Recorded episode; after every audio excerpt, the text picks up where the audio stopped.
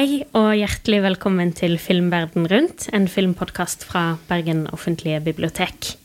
I dag så skal vi snakke om årets beste filmer, og for meg, og helt sikkert mange andre, er årsskiftet en tid der man endelig kan lese og høre om hva som har vært andre sine høydepunkter, fra filmverden og fra litteraturverden.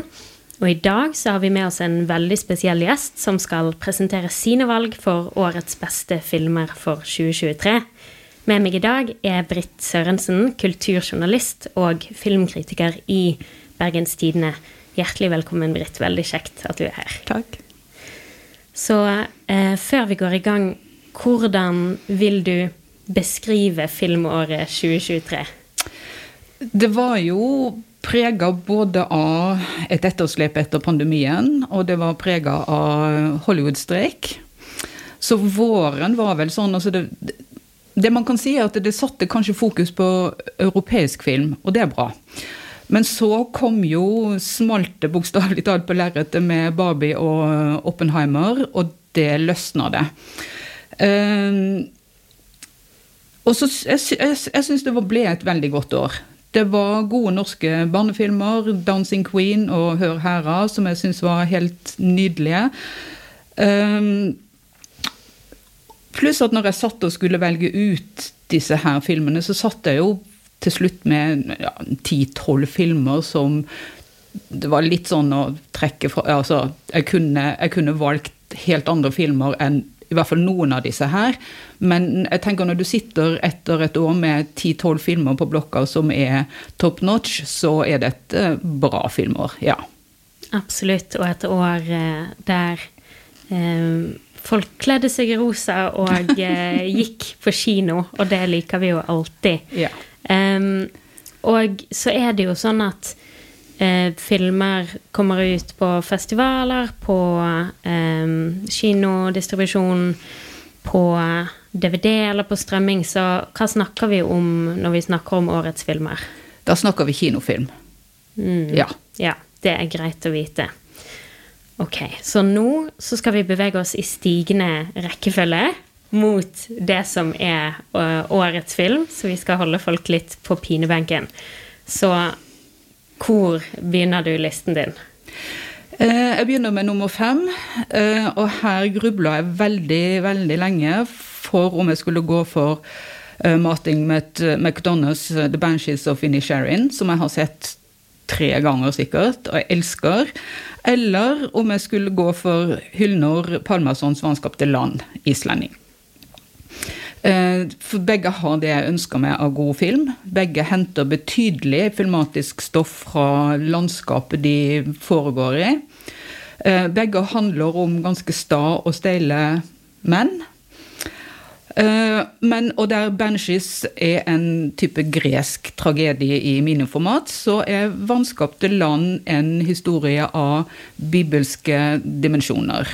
Og så landa jeg da på 'Vanskapte land' fordi jeg syns når jeg liksom skal plukke de skikkelig fra hverandre, så er 'Vanskapte land' kanskje en enda større og rikere film med uh, både det bibelske, men også det den måten den tar opp dansk kolonialisme på. Uh, filmatisk er den helt storslått. Altså uh, fotografen hun het Maria von Hauswolf. Søstera til Anna von Hauswolf, som synger og spiller orgel. Men det Ja, hun har altså, hun, hun, brukte jo så utrolig lang tid. De har jo spilt inn denne filmen over så utrolig lang tid for bl.a. å fange et hestekadaver i oppløsning, som sikkert tar sin tid i det islandske, arktiske klimaet. Uh, ja, jeg syns det er en ufattelig rik, spennende, utfordrende film. Mm, dette var også en skikkelig stor opplevelse for meg. Eh, det er en intens film, og som også har blitt beskrevet som uforsonlig på en eller annen måte. Den, den stiller noen sånne åpne spørsmål om kolonisererens utenfor blikk, og den krever litt at man følger med på det og merker det selv. Måten disse fotografiene vi har sett på historiske museum, blir et utgangspunkt for å vise litt hvem eh, bodde der, og også hvordan kan man komme fra utsiden og på en måte tenke på seg selv som de siviliserte, og stille litt sånn smarte spørsmål rundt hvem er de siviliserte. Ja. Mm. Mm. Det er helt riktig. Og så skal vi videre til nummer fire. Ja, her grubler jeg også lenge. Skulle gå for Todd Field sin 'Ruvende tar', med Cat Blanchetts like ruvende rolletolkning, som også er en film som du kan, du kan bruke en time på podkast bare på å diskutere den og Absolutt. ulike innfallsvinkler. Men ellers skulle jeg gå for Marie Kreutzers østerrikske Corsage. Eller Korsage, jeg vet ikke helt. Jeg tror det kan uttales begge veier. Som ikke bare er et vakkert kostymedrama, men som for meg først og fremst er en skamløst frekk og freidig film som også er veldig morsom innafor kostymedramaformatet. Så jeg valgte da Corsage. Og den er kanskje eh, litt eh, i en lignende tradisjon som Spencer, som også er ganske ny, Pablo mm. Lorraine, og eh, kanskje til og med Sofia Coppolas Marie Antoinette, for de som likte de? Ja, det, det, kan du godt si. Det kan du godt si. Det er et, altså Den handler om den bayerske prinsessen Elisabeth som var gift med Frans eh, Josef, og som ble kalt uh, Sissi. Uh, hun har veldig mange likhetstrekk med Diana. Begge var moteikon, begge var opererte som sånn mesener på blant syke, og, og uh, begge sleit med spiseforstyrrelser. Så absolutt. Men den er også et finurlig frigjøringsprosjekt. Altså det gikk Den er jo kontrafaktisk det skjedde ikke det i, i filmen. Det, det, som skjer i filmen med Sissi, det skjedde ikke i virkeligheten. Uh, men sånn apropos makta med alle de kontrafaktiske greiene du ser utspille seg der, så er det noe av det som gjør uh, Korsage veldig veldig morsom. At den, det dukker opp en moderne traktor der, det dukker opp en moderne gulvmåp, og så er det en nydelig scene hvor hun og, og fetteren danser til Chris Christoffersens uh, 'Help Me Make It Through the Night'. Så den er en sånn, den er en både på mange måter deprimerende film, fordi at den den handler om et så skrekkelig liv, og hvor, hvor kort kvinnelivet var på den tida. Altså hun fyller 40, og, og livet er slutt, og nå er hun Ja. Og så eh, tar hun noen grep for å komme seg ut av det her. Det høres veldig spennende ut, og jeg synes, eh, jeg synes filmer må eh, få lov å ta seg noen friheter eh, med virkeligheten. Absolutt. Så det var 'Corsage', regissert av østerrikske Marie Kreutzer. Den må dere se. Eh, nå skal vi videre til Frankrike for din film nummer tre. Ja. Det er Alice Diops uh, Saint Omer. Og den har jeg også sett, tror jeg, tre ganger. Um, det er en film som du bare blir sittende omtrent fast i. Eh, den tar utgangspunkt i en reell historie fra Frankrike, hvor en eh, fransk-afrikansk eh, kvinne sto tiltalt for å ha drept barnet sitt. Og jeg tror altså Alice Diop er opprinnelig Eller hun er dokumentarist. Dette er hennes fiksjonsdebut. Og jeg tror hun hadde tenkt å lage det her som en dokumentar, men så lager hun det som en fiksjonsfilm. Men du ser um, Altså, det er på mange måter et rettssalsdrama, men du ser dokumentaristen i hele altså kamera som er en sånn helt nøkternt observerende øye på de ulike aktørene i, i dette dramaet. Da har du den tiltalte, og så har du forsvareren, og så har du dommeren. De alle kvinner. Og så har du eh, professoren, den kvinnelige professoren som også er fransk-afrikansk, som drar for å følge rettssalen eh, med en idé om å press, på en måte skrive henne inn, altså tiltalte inn i en Medea-tradisjon. Mm. Ja, veldig veldig sterke eh, roller fra skuespillerne, da, som var Kaie Kagame og Gusla G. Melanda, eh, som Rama og moren som har drept sitt barn, eh, Lawrence Coley. Mm. Eh, og hva er det som gjør at en historie om noe så grusomt likevel eh, fanger oss? Det er jo altså utgangspunkt i utgangspunktet så fanger det jo selve tanken på at en mor drukner barnet sitt, er jo, er jo nok til at du, du, stopper opp og vil vite hvorfor. Her får du jo på mange måter ikke vite hvorfor. Du får en del innspill som kan forklare historier, men det er veldig mange lag i hennes fortelling og hennes det jeg kanskje tror kan være en eller tiltalte sin, sin iscenesettelse. Altså bruker hun det her med hun kommer inn på det her med hekseri. Bruker hun det for å spille på eh, fransk eh, eksotisering av afrikanske kvinner? Eh, så det er en sånn spennende bit av det. Og så har du den kjærlighetshistorien rundt Eller historien rundt mannen hun får det barnet med. Og så syns jeg at den er så ekstremt god på å ikke Altså, den bare presenterer subtil rasisme i, i nesten sånne bisetninger. Altså bare når det er noen Det er vel tilta, han aktor som nevner, eller noen som nevner at hun snakker veldig godt fransk til mm. Så ligger det bare sånn til å være en, en svart uh, arbeiderklassekvinne. Mm. Og så veldig mange sånne små, subtile ting som kommer inn, og som, som uh, setter søkelys på en type strukturell rasisme som, som kanskje er spesielt uh, utbredt i Frankrike, hvor de er veldig opptatt f.eks. av å snakke korrekt fransk. og ja, og, og, og, hvor de også har en lang kolonihistorie. Mm, og det er jo også en del av reaksjonen fra pressen i filmen, akkurat ja. dette her med at hun snakker så pen fransk.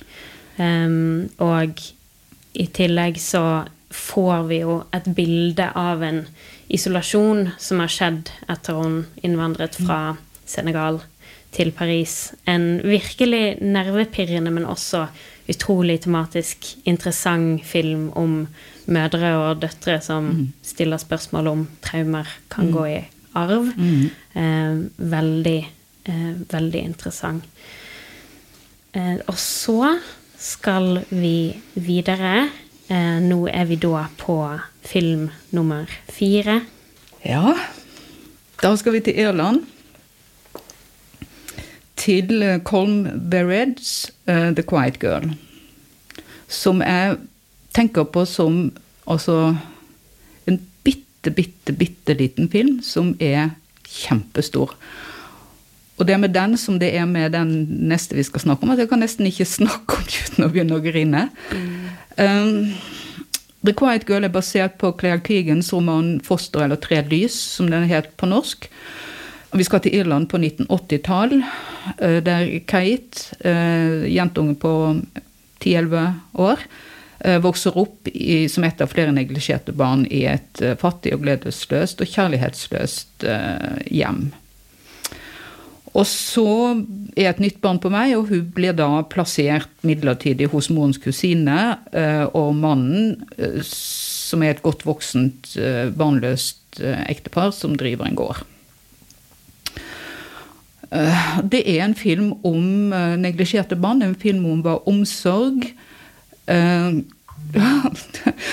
kan gjøre med neglisjerte barn. Og det er en, der også er det sånn der bitte bitte, bitte, bitte små detaljer. Altså en scene fra kjøkkenet hvor uh, hun, jentungen sitter, og så kommer han fosterfaren bare og legger en kjeks ved siden av henne. Mm. Og det er bare så ekstremt nydelig. Mm. Og så er det også en film som ikke gir deg alle svarene. F.eks. så ligger det litt sånn uavklart om det har vært snakk om et misbruk i barndomshjemmet hennes. Uh, og slutten er for så vidt ganske åpen, men, men uh, jeg leser han som ganske håpefull eh, likevel. Men det er en nydelig, nydelig film. Mm, det er jeg helt enig med. Og den føles både realistisk samtidig som den på en eller annen måte er myk og lys ja. og skikkelig vakker. Det er en virkelig fin strandscene der ja. som har eh, Som påvirket meg veldig når jeg så den. Og så syns jeg, som du sier, det handler om de små handlingene eh, og omsorgen som gjør den store forskjellen da, mm. for barn, og hva eh, det vil si å være trygg. Eh, ja. ja. Det, er en, det er, jo en, en helt klass, på mange måter en helt klassisk sosialrealistisk film, men der andre sosialrealistiske filmer ofte blir veldig ikke veldig, men blir harde og sinte, så er den her bare så fylt av ømhet og, og, varme. Og så er han jo innimellom også faktisk ganske morsom. Jeg syns jo den her eh, Når det som har skjedd i Jeg skal ikke røpe for mye hvis noen ikke har sett det, men det som har skjedd i det fosterhjemmet hennes, når hun får vite det gjennom den her nysgjerrige naboen som går og fritter ut jentungen, mm. så er det, så er det ganske, ganske, vittig. Det er en veldig godt tegna karakter, den her naboen som stiller disse uh, impertinente spørsmålene til den lille jenta. Som også gjør at du får le litt oppi det hele, ikke bare sitte og grine. ja, litt, uh, litt småbysladder ja. uh, er det absolutt i denne filmen. Um, og så har vi én film til. Da eh, skal vi avsløre hva du har eh, valgt som årets beste film fra 2023. Det er uten tvil. Der måtte jeg ikke gruble i det hele tatt. Charlotte Wales, 'Aftersun'.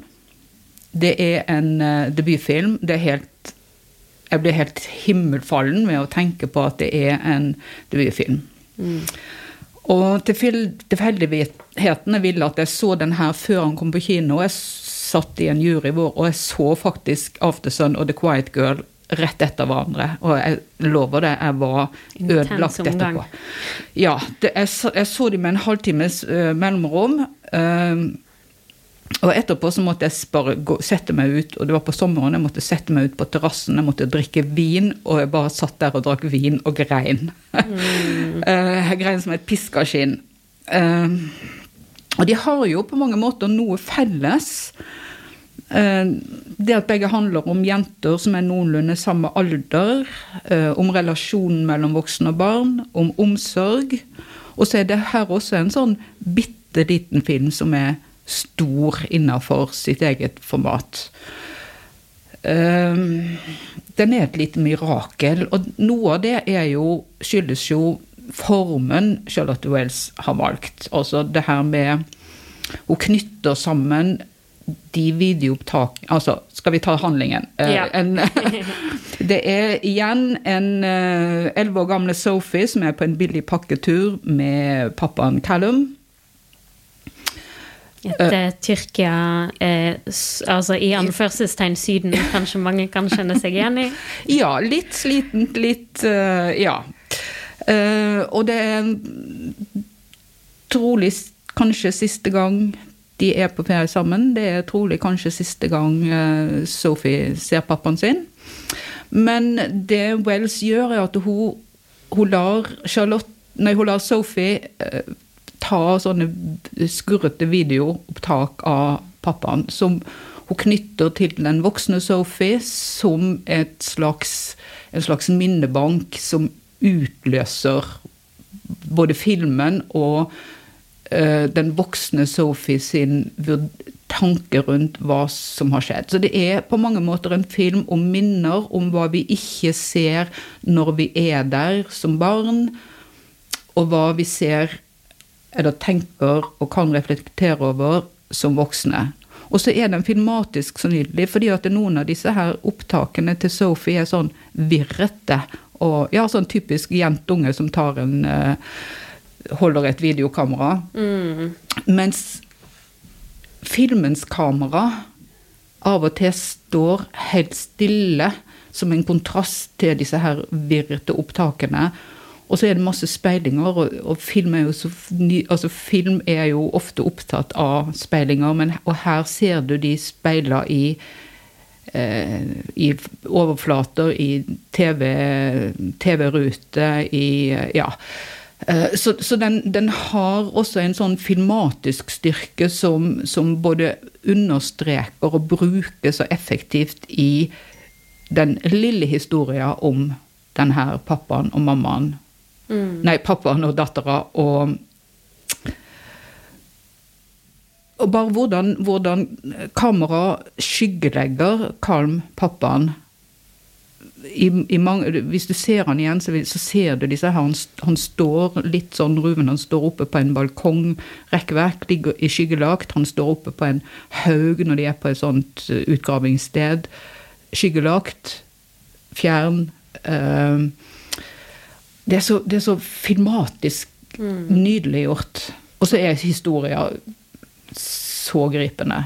Jeg tenker også på når eh, kamera viser han sittende på sengen eh, bakfra, og det er helt åpenbart at han også går gjennom eh, vonde ting. Så det er både en empati med faren som sliter, men også et forsøk på forsoning for barnet som opplever dette, som også er en form for omsorgssvikt. Ja. Eh, ja. Ja, Mm. ja absolutt. Jeg, jeg tenker også på den, den rolleprestasjonen til hun her um, Hva er det hun heter, hun som spiller Sophie? Frankie Carroll. Ja! Altså, for et talent!